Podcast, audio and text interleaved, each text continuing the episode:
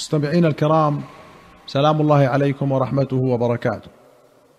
في باب عيادة المريض أخرج البخاري رحمه الله عن ابن عباس رضي الله عنهما أن عليا خرج من عند النبي صلى الله عليه وسلم في وجعه الذي توفي فيه. فقال الناس يا أبا الحسن كيف أصبح رسول الله صلى الله عليه وسلم؟ قال أصبح بحمد الله بارئا. فأخذ بيده العباس بن عبد المطلب.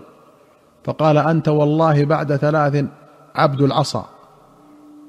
وإني لارى رسول الله صلى الله عليه وسلم سيتوفى من وجعه هذا. إني لاعرف وجوه بني عبد المطلب عند الموت. فاذهب بنا إلى رسول الله صلى الله عليه وسلم فنسأله في من هذا الأمر. فإن كان فينا علمنا ذلك وإن كان في غيرنا كلمناه فأوصى بنا. فقال علي أما والله لئن سألناها رسول الله صلى الله عليه وسلم فمنعناها لا يعطيناها الناس بعده. وإني والله لا أسألها رسول الله صلى الله عليه وسلم. قوله عبد العصا كناية عمن يصير تابعا لغيره. وقوله هذا الأمر يعني الخلافة. والمعنى أنه يموت صلى الله عليه وسلم بعد ثلاث وتصير مأمورا عليك. كتاب المناقب والفضائل. باب فضائل الصحابة والتابعين لهم بإحسان. رضي الله عنهم أجمعين.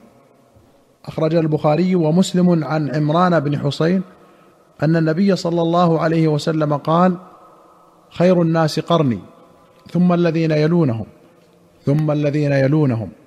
قال عمران فلا أدري أذكر بعد قرنه قرنين أو ثلاثة ثم يكون بعدهم قوم يشهدون ولا يستشهدون ويخونون ولا يؤتمنون وينذرون ولا يوفون ويظهر فيهم السمن. زاد مسلم ويحلفون ولا يستحلفون. قوله ولا يوفون هذا لفظ مسلم.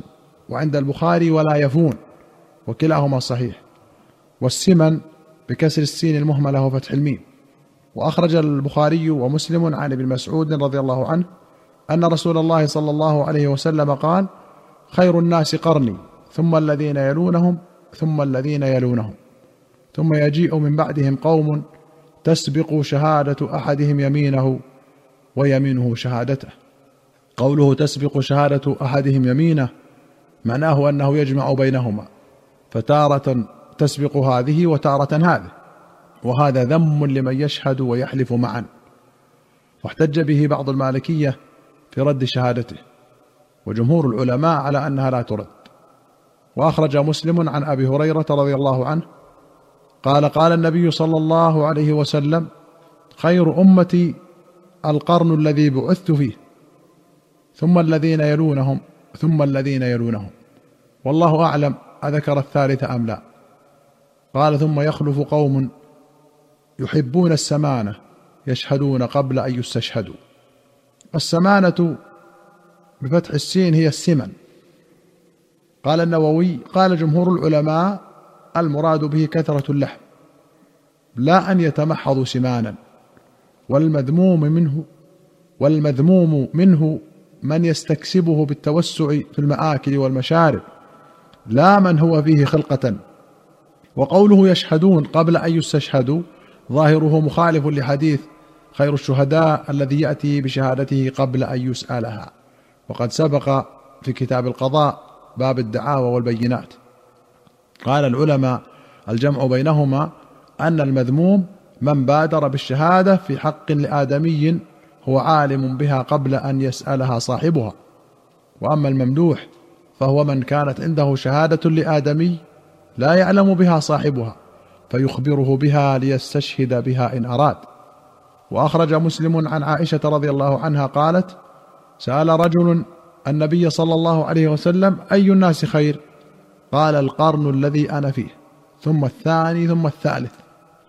وأخرج الشيخان رحمهما الله عن أبي سعيد الخدري رضي الله عنه أن رسول الله صلى الله عليه وسلم قال يأتي على الناس زمان فيغزو فئام من الناس فيقولون هل فيكم من صاحب رسول الله صلى الله عليه وسلم؟ فيقولون نعم فيفتح لهم.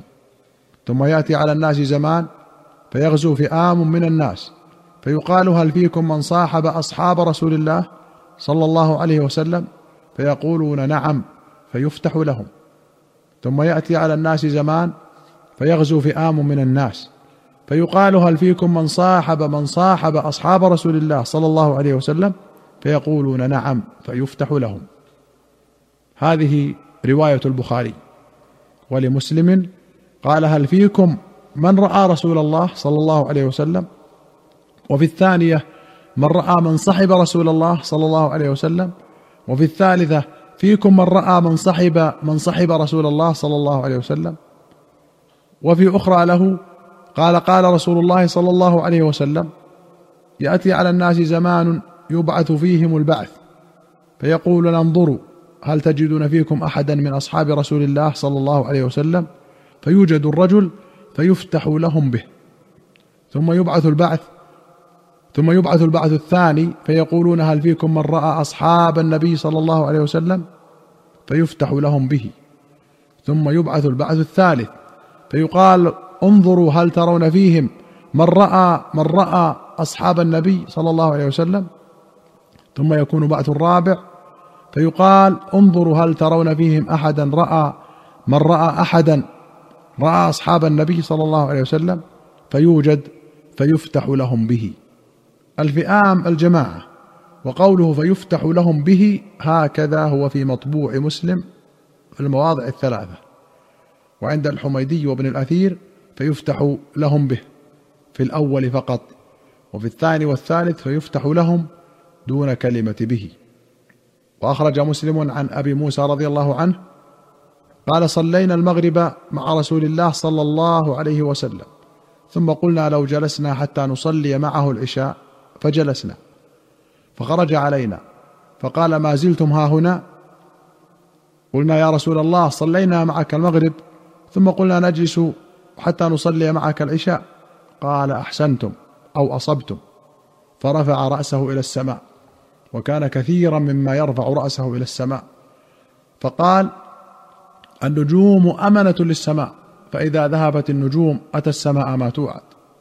وأنا أمنة لأصحابي فإذا ذهبت أتى أصحابي ما يوعدون. وأصحابي آمنة لأمتي فإذا ذهب أصحابي أتى أمتي ما يوعدون. الأمنة بفتحات والأمن والأمان بمعنى واحد. وقوله أتى السماء ما توعد أي إذا انكدرت النجوم في القيامة انفطرت السماء.